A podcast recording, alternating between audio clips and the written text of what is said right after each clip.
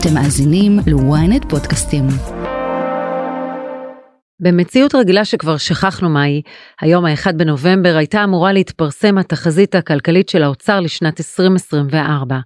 אבל אנחנו במציאות חדשה שנכפתה עלינו החל מה-7 באוקטובר, ולכן התחזית לא תתפרסם היום. מדינת ישראל תשקע כנראה בחובות כבדים מאוד. הילדים והנכדים והנינים שלנו, כן, גם הנינים יצטרכו לשלם במאה השנים הבאות הרבה מאוד כסף, לשאת פה בנטל מאוד מאוד כבד בשנים הבאות. אף אחד מאיתנו לא יודע היום כמה זמן המלחמה הזאת תימשך ובאיזה עצימות היא תימשך.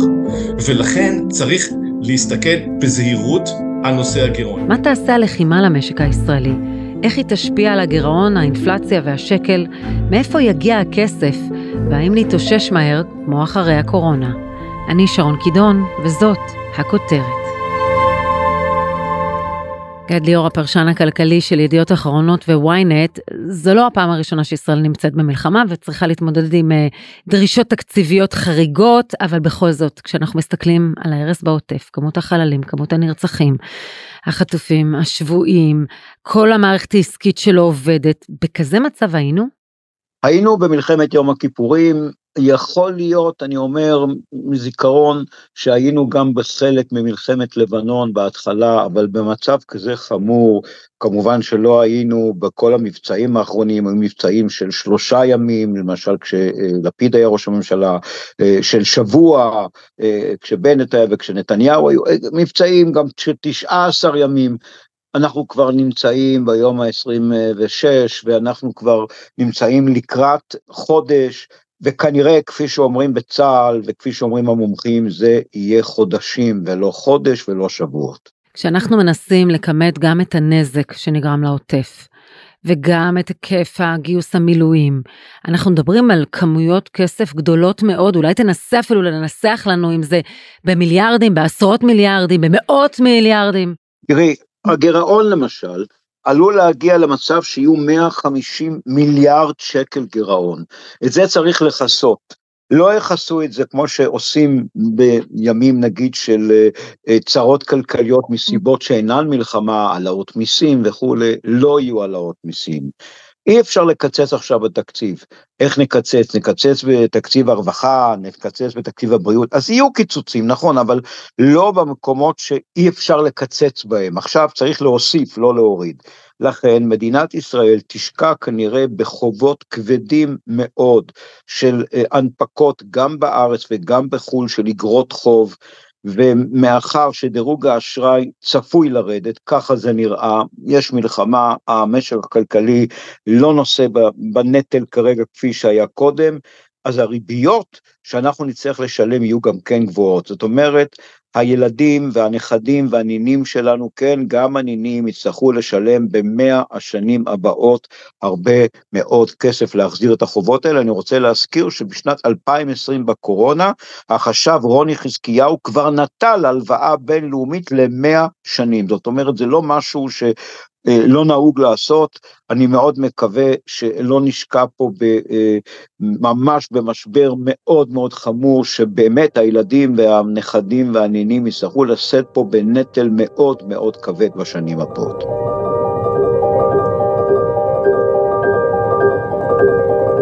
מהם הנזקים הכלכליים המרכזיים שאתה רואה? צריך להבין, נהרס חבל ארץ שלם, זה לא יישוב, זה לא שניים, זה לא עשרה, חבל ארץ שלם נהרס, הוא נכבש ליממה שלמה, מה שאף אחד לא חשב שעלול לקרות, גם כשמר ליברמן אומר, אני חזיתי, הוא חזה שני יישובים, שלושה יישובים, לא חזה שחבל ארץ שלם יהיה תחת כיבוש יממה ושלא יהיה שם צה"ל שעות רבות. כל חבל הארץ הזה נהרס, כל היישובים האלה שנהרסו, ההערכה הראשונה הייתה עשרה מיליארד שקל, אני כבר שומע הערכות של עשרים, אולי שלושים מיליארד שקל, לבנות מחדש את כל האזור. שטחים חקלאיים נהרסו כליל, כבישים נהרסו, תשתיות, צינורות, מים, אה, הכל, חשמל, צריך לבנות ארץ חדשה שם, וזה לא קילומטר או שניים, זה הרבה מאוד קילומטרים. זה עולה הרבה מאוד כסף, וזה לא יארך, כפי שאנשים אומרים, עוד שנה נחזור, אומרים אה, אה, כל מיני, שרוצים לחזור לשם, מפונים. פגשתי מפונים במעלה החמישה, גם מנתיב העשרה, גם מזיקים. עוד שנה נחזור. אמרתי להם, חבר'ה, עוד שנה לא תחזרו. זה ייקח לפחות שנתיים, שלוש, אולי יותר.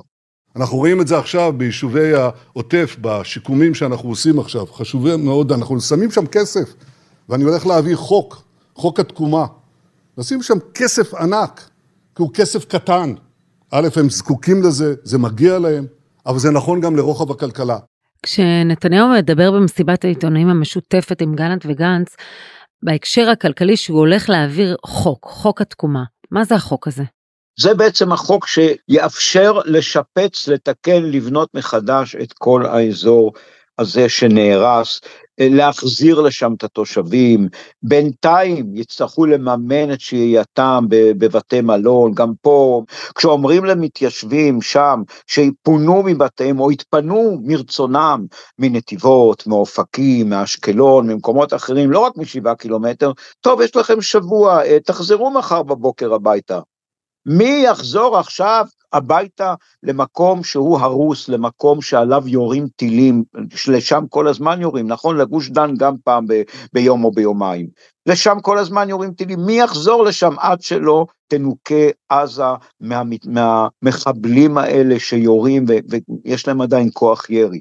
לכן התקומה הזאת צריכה להיות, א', לשפץ, לתקן, לשפר, לבנות את השטח הזה שנהרס, ב', לעזור למתיישבים האלה להיות במקומות שהם נמצאים עכשיו, ג' לתמוך בהם, אגב גם פסיכולוגית, גם כלכלית, לדאוג להם לתעסוקה כלשהי, לדאוג לילדים שילמדו בבית ספר, שילמדו בצורה מסודרת, הם לא יום יומיים שם, אנחנו לא רוצים שילד מנתיב העשרה או, או, או מאחד היישובים האחרים שם, שנתיים לא ילמד עכשיו, יצטרכו לדאוג לכל זה, כל זה עולה כסף, יצטרכו לממן את כל הדברים האלה, יצטרכו לגייס מורים, יצטרכו אולי אפילו לבנות אה, אה, כיתות או להציב קרוונים, כל זה עולה כסף, וזאת תהיה המשימה של אותו צוות תקומה או אותה ועדה. לא אבל לא יש גם כסף פרטי, כסף של חברות ביטוח, בנקים, גם הכסף הזה יצא הרבה מאוד כסף גם לפצות וגם הטבות שהם נותנים.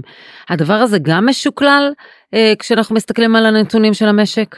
יש אנשים טובים בעולם ובארץ, לא רק יהודים, אני מכיר גם נדבנים בחו"ל שפשוט כואב להם, אבל זה לא הכסף הגדול, אלה לא המיליארדים, זה כסף קטן לעומת מה שהממשלה צריכה להשקיע. ברור שהבנקים הם התחילו כבר להפנים, עוד לא לגמרי, כי הסיוע הוא במיליונים, זה צריך להיות במאות מיליונים, הם הרוויחו כל כך הרבה, תעזבו אותם כבר עם המשכנתאות לשנה, לא לשלושה חודשים, תנו להם לנשום לאותם אנשים שפונו, שנרצחו שם, נחטפו שם מהמשפחות שלהם, וגם חיילי המילואים, אדם שעזב את העסק, עזב את העבודה, הוא לא יהיה עכשיו שבועיים במילואים, יכול להיות שיהיו חודשיים ושלושה, תדחו לו תשלומים, תורידו לו ריבית על הלוואות, תבדקו, תבדקו כל אחד שמישהו שלא מהאזור, מישהו מרמת גן או מנס ציונה יקבל, אבל פחות מאשר מישהו אה, מאחד היישובים האלה אה, שכל כך אה, נפגעו. עכשיו, כן, חברות ביטוח, כל אחד צריך לחשוב, יש גורמים רבים, הם רווחיים,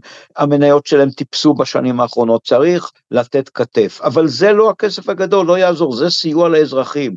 חברת ביטוח או בנק לא יכולים לבנות מחדש שם את נתיב העשרה או את אה, נחל עוז או, או מקומות אחרים שנפגעו כפר עזה ונהרסו, את זה הממשלה צריכה לעשות.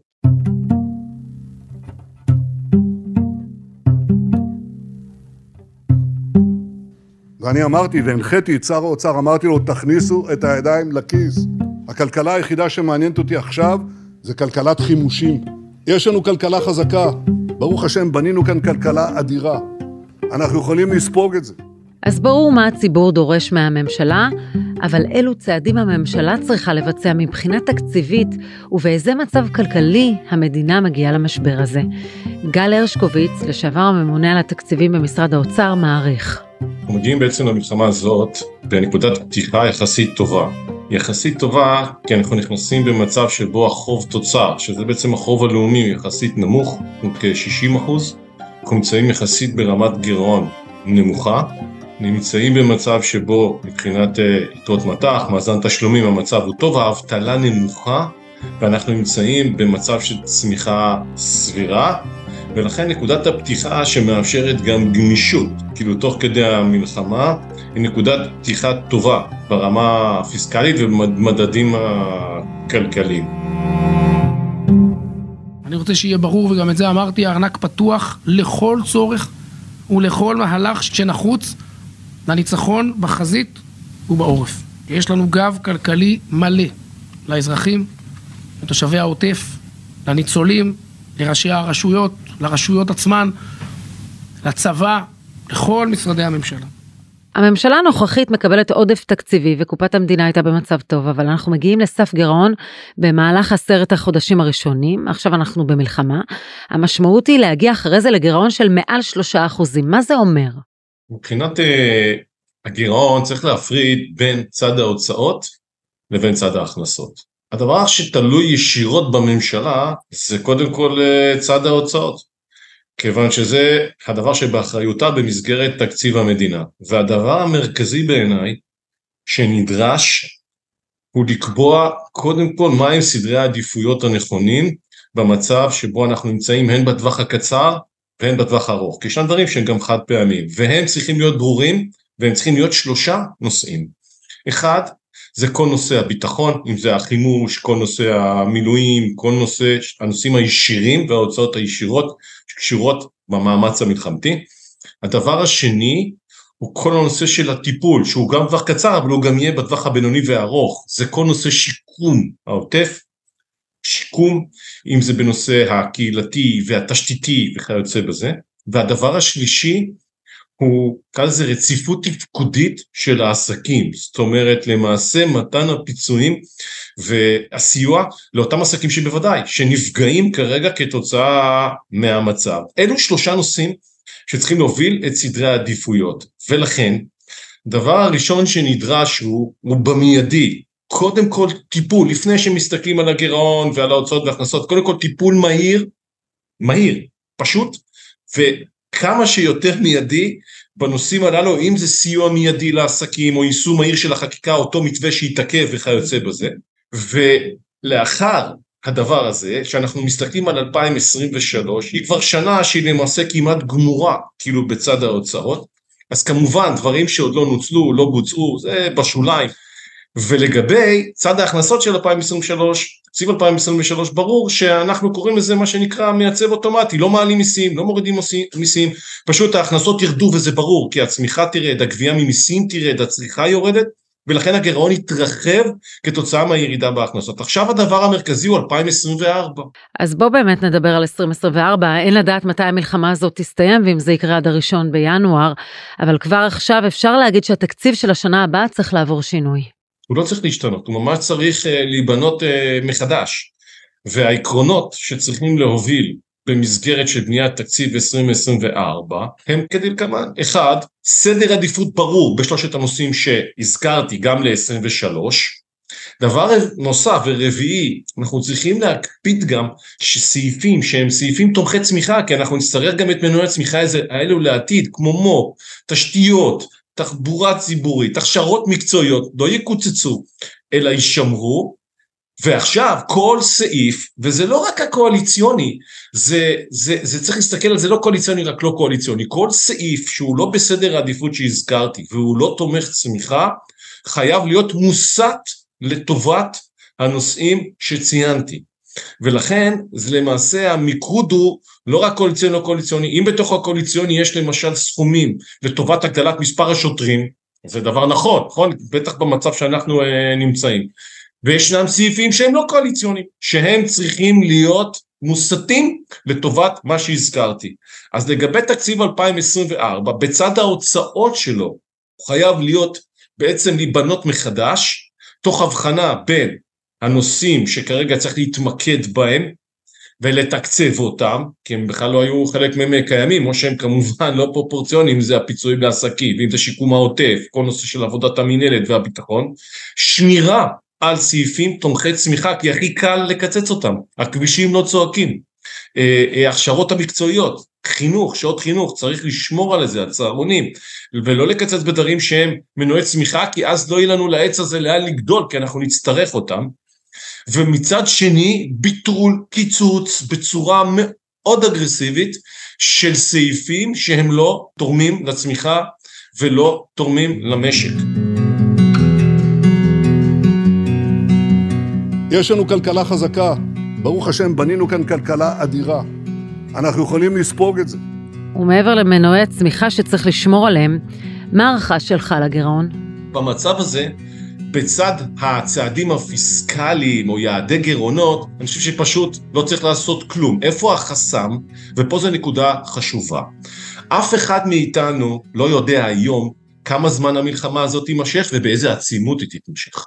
ולכן צריך להסתכל בזהירות על נושא הגירעון. למה אני מתכוון? זה אומר שניתן להרחיב את הגירעון, ומה זה ניתן? הוא יגדל לבד, אין מה לקבוע לו גם יעד. אפשר לעשות תחזיות, אבל הוא יגדל כתוצאה מירידה בהכנסות בעיקר, לא רק בצד ההוצאות, אלא בעיקר בצד ההכנסות. ואז נשאלת השאלה, עד מתי? הזכרת, היום התחזית שלוש וחצי ל-2023, מה יהיה ב-24? ישנם אומרים חמש, שש, שתיים, הוא יגדל ויתרחב עד לרמה שבה תתחיל להיות בעיה בגלל גובה הגירעון על יכולת הגיוס, זאת אומרת הריביות יתייקרו, כיוון שהגירעון יכול להתרחב עד לנקודה שבה זה לא קשור גם לעניין חברות דירוג אשראי. השוק מדבר, השוק ידבר, השוק ידרג, כיוון שאיפה הוא ידרג? שאיגרות החוב, שלמעשה נסחרות יום יום, גם היום, אפשר להסתכל ולראות מה קרה. הפרמיות או הפרמיית הסיכון שבאות לידי ביטוי בגובה הריבית של אותם הגיוסים שמבצע וימשיך לבצע החשב הכללי, יתחילו למעשה להעיק ולהכביד על יכולת הגיוס. ולכן אנחנו צריכים להיות זהירים. צד אחד, לשמור רזרבות כאלו שלא יביאו אותנו למצב שנרצה להגדיל את הגירעון ולא נוכל. כי לא, פשוט השוק לא, לא יאפשר את זה. ומצד שני, כן לאפשר, וזה בסדר, לגירעון אה, להתרחב. ככל שנהיה הרבה יותר נחושים בצד ההוצאות, זה יקרין גם אמינות אל מול השווקים, שממשלת ישראל עושה קודם כל את מה שתלוי בה, קודם כל את מה שצריך, קודם כל עושה תקציב שהוא תקציב שמבטא בצורה ברורה את סדרי העדיפויות, וזה בוודאי ישפר ויחזק את האמינות וכך יקל גם את ההתנהלות של ממשלת ישראל בשווקים לצורך הגיוסים. ולכן קשה מאוד לדעת היום מה יהיה הגירעון, באיזה גובה, בוודאי זה לא מדד שצריך לקבוע לו יעדים, זה בעצם משהו שהוא תוצאתי, ולכן היעדים ומרכז הכובד צריך להיות בצד ההוצאות, בעיקר בסדרי העדיפויות. מצד שני, גם לא עכשיו להגיד אוקיי, עוצרים, בונים את תקציב 24, לא נותנים מענה, מחכים, לא, זה צריך להיות במקביל. מה שעשינו בקורונה, ועברנו וצלחנו את, ה, את הדבר, לא רק מבחינה בריאותית, מבחינה כלכלית, טוב יותר מכל כלכלות העולם, זה מה שנעשה גם עכשיו. להכניס את היד לכיס ולעזור אתה יודע, אני חושבת שזו השוואה שבלתי ניתן להימנע ממנה. יש לנו מענקים, פרויקטור, מתווה פיצויים, חל"ת, עסקים סגורים, אנשים שקצת חוששים לצאת מהבית. אנחנו חווים מחדש משהו, בהיבט הביטחוני כמובן, שקרה לנו במגפת הקורונה. אז לא כדאי ליישם פה את אותם לקחים מהקורונה? קודם כל צריך להבין שיש הבדל מאוד גדול, אחד, ביחס לקורונה. קורונה הייתה משבר עולמי. זאת אומרת למעשה זה לא רק משהו שהוא ספציפי למשק הישראלי, אלא משהו שהוא היה משבר עולמי בכל העולם. ולכן בנקודה הזאת דווקא נקודת הפתיחה היא פחות טובה, כיוון שכשיש משהו עולמי אז אתה יחד עם כל העולם וביחד באותה חבילה, פה לא, פה זה משהו ייחודי. מצד שני, הדברים הדומים ושצריך גם ללמוד, כאילו ביחס למה שהיה קורונה, זה אחד, החשיבות במהירות והפשטות של נקיטת הפעולות והצעדים, אם אנחנו מסתכלים על הנושא של הסיוע לעסקים, זוכרים כמה זמן היה עד ש ולכש, אז כבר ניתן להשתמש, וטוב שעושים את זה, ואני שמח שגם היה תיקון, כאילו לאחרונה של משרד האוצר, צריך להשתמש בפלטפורמות קיימות, הרי הרבה פעמים לומדים תוך כדי תנועה, ובקורונה למשל, שהביאו את אותה נוסחת פיצוי, כן הוצאות קבועות, על השכר, ירידה בפדיון, ניתן להשתמש בפלטפורמות הללו, וטוב שמשתמשים, ואני אומר, גם בצורה שהיא בצורה רחבה ובצורה אה, נדיבה ובמהירות ולא לנסות ולהמציא הרבה מאוד דברים חדשים אלא באמת הדברים שנלמדו כאילו במסגרת אה, הקורונה ולא צריך לחזור על טעויות אה, פעמיים. אז פעם אחת זה באמת להשתמש בפלטפורמות קיימות ודבר שני זה באמת להבין את גודל האירוע ולפעול מהר ובפשטות גם על חשבון יעילות. לפעמים האויב זה, זה המצוין לעומת הטוב מאוד וגם על חשבון יעילות ובלבד שזה מהר ופשוט כי עסקים שלא יקבלו במהירות את הסיוע עוד כמה זמן כבר לא יהיה כאילו למי לתת אם זה במסגרת ההלוואות והפיצויים והתמיכות השונות. גל הרשקוביץ תודה רבה לך על השיחה. תודה לכם.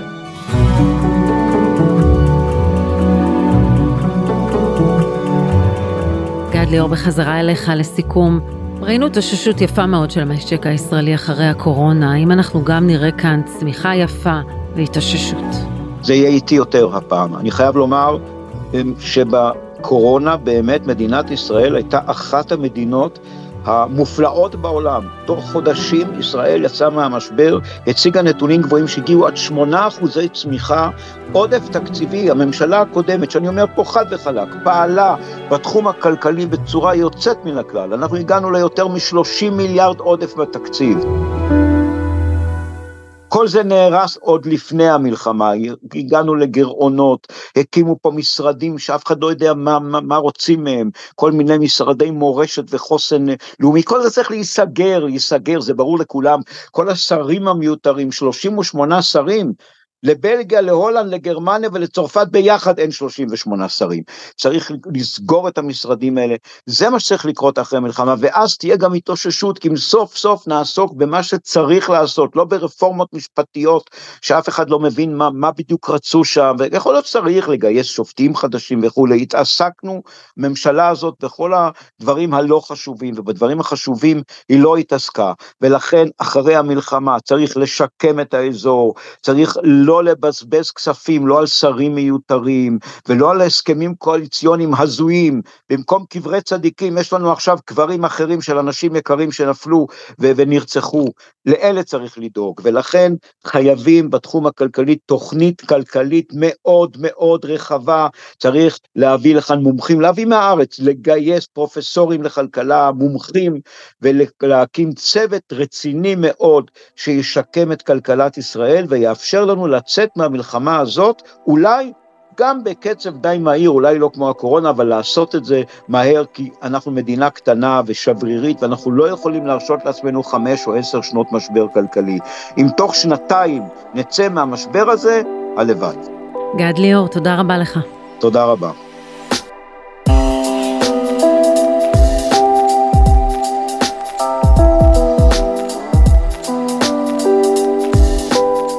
כאן הכותרת להפעם, אם עדיין לא נרשמתם לעקוב אחרינו באפל או בספוטיפיי, אתם מוזמנים לעשות זאת.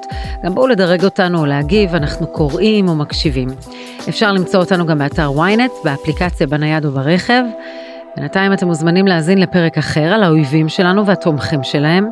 להם לא חסר כסף, חפשו את הפרק כסף קטרי, תמיכה איראנית, איך למוטט את יסודות החמאס. תחקיר הפקה ועריכה גיא סלם, עדן דוידוב וטס גדות. אני שרון קידון, שמרו על עצמכם.